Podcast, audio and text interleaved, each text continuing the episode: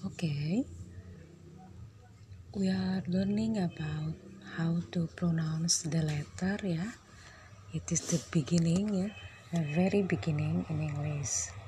Okay, A for apple, B for book, C for crocodile, D for doll, E for elephant, F for fox, G for Google, H for home, I for icon, J for jam, L for lollipop, M for mouth, N for north, O for owl, P for pop,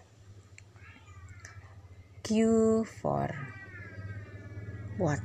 Queen, R for rabbit, S for scissor, T for tree, U for uniform, V for Volvo, W for water, X for X-ray, Y for young, Z for zebra.